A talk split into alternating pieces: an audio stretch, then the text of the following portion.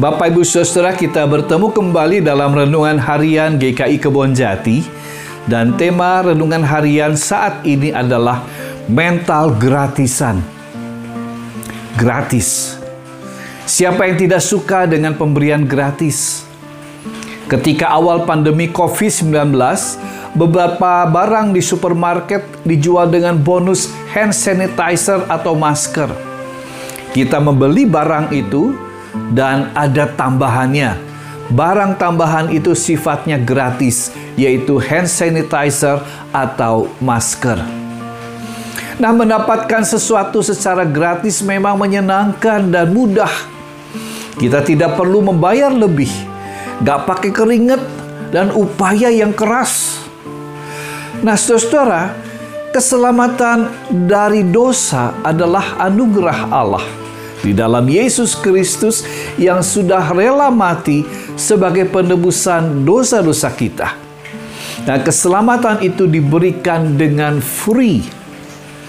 Dan kata free itu kadang dipahami dengan pengertian bahwa anugerah keselamatan itu diberikan secara cuma-cuma. Celakanya, konotasi kata cuma-cuma itu ada hubungannya dengan gratis tanpa bayar. Dan biasanya yang tanpa bayar kadang kurang dihargai, bahkan dianggap murahan. Nah, anugerah keselamatan yang mahal itu menjadi anugerah murahan.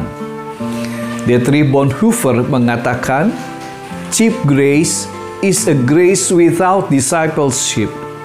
Grace without Jesus Christ, living and incarnate. Anugerah murahan adalah anugerah tanpa seseorang menjadi murid Yesus. Anugerah tanpa salib Yesus, anugerah tanpa kehidupan dan inkarnasinya Yesus Kristus.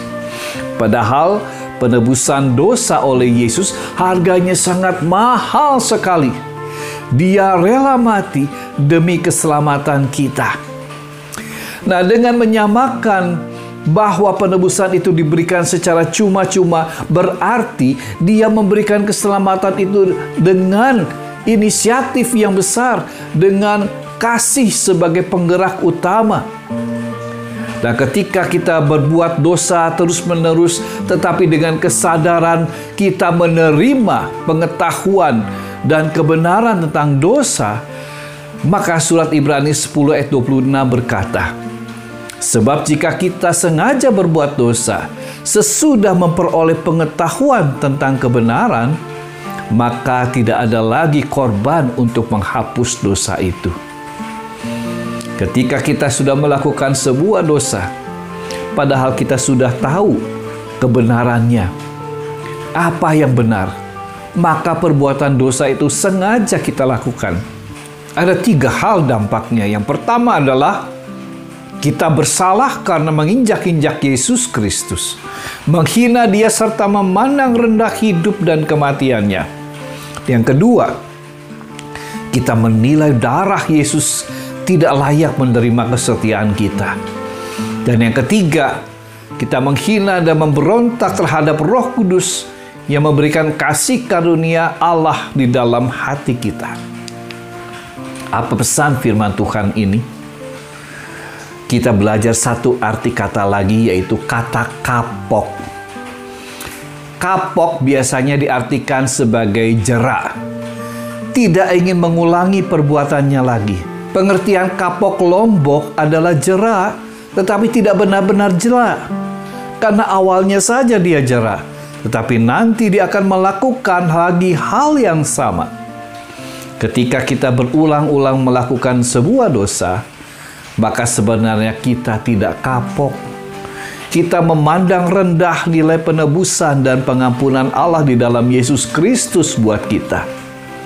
Karena itu, marilah kita kapok.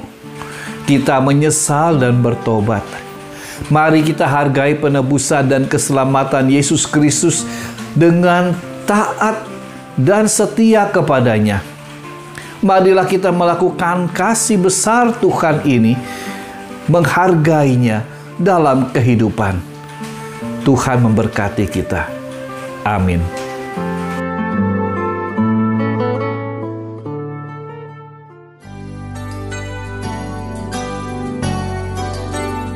Sobat Maestro, baru saja Anda mendengarkan renungan harian bersama GKI Kebon Jati Bandung. Tuhan Yesus memberkati.